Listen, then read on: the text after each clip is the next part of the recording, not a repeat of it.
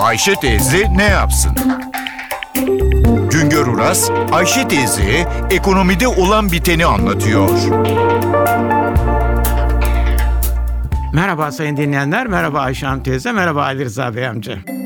Yer altından maden çıkarmak riskli ve de zor bir iş. Kömür ocaklarında kazalar nedeniyle biz genelde kömür madenciliğini tartışırız. Son yıllarda kömür kadar ilgi çeken bir başka maden türü de altın madenciliği oldu. Çünkü Türkiye'de son zamanlarda çok sayıda altın madeni açıldı. Diğer madenlerle pek ilgilenmiyoruz. Halbuki kömür ve altın madenleri yanında daha başka madenlerimiz de var. Türkiye'de madencilik sektörü yeni gelişmeye başlayan bir sektördür. Yıllık üretim değeri 20 milyar lira dolayına ulaştı. Madencilik sektörünün milli gelire katkısı pek büyük değil şimdilik. 2013 yılında milli gelirdeki madencilik sektörünün payı %1,4 oranında belirlendi. Ama bu sektörün yılda 5 milyar dolarlık ihracatı var. İhracatta doğal taşların payı %44, metalik madenlerin payı %35, endüstriyel ham maddelerin payı %16 dolayında. Biz genellikle hep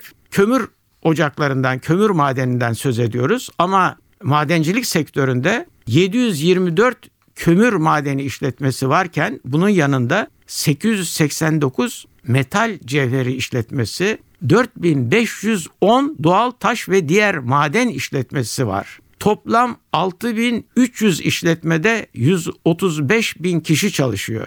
Türkiye maden çeşitliliği açısından dünyada 10. sırada ama Türkiye dünyada 132 ülke arasında toplam maden üretim değeri açısından 28. sıraya düşüyor. Başta endüstriyel ham maddeler olmak üzere bazı metalik madenler, linyit, jeotermal kaynaklar gibi enerji ham maddeleri açısından çeşidimiz bol ama madenlerimizin kalitesi düşük, işletmesi zor. Dünyada üretimi ve ticareti yapılan 90 çeşit önemli maden ve mineral var. Biz 50 çeşit madende kısmen yeterli kaynaklara sahibiz. Kalan madenlerin rezervleri ve kaliteleri ekonomik madencilik yapmak bakımından yetersiz. Maden kaynakları ve çeşitliliği bakımından kendi kendine kısmen yeterli olan ülkeler arasında yer alıyoruz.